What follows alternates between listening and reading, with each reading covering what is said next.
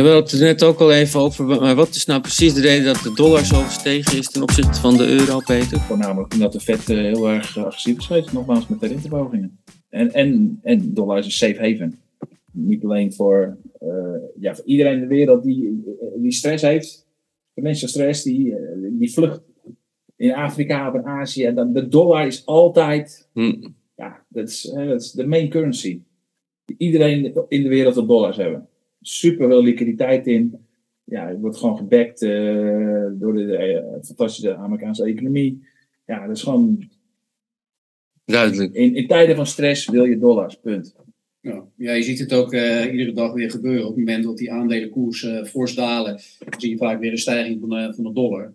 Ja. maar het heeft natuurlijk ook mee te maken. Kijk, als je nu naar, naar de Amerikaanse situatie kijkt en je kan uh, 4,2% rendement uh, maken op een uh, obligatie met een looptijd van twee jaar. Ja, dan kan ik me even voorstellen dat, dat, dat, dat je een kapitaalvlucht krijgt naar de Verenigde Staten en dat je liever daar je geld onderbrengt.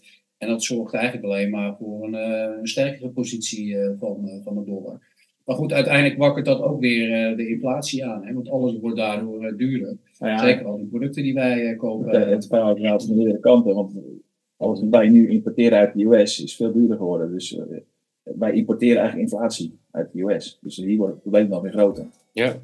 Dus uh, het heeft meerdere kanten uh, dit van.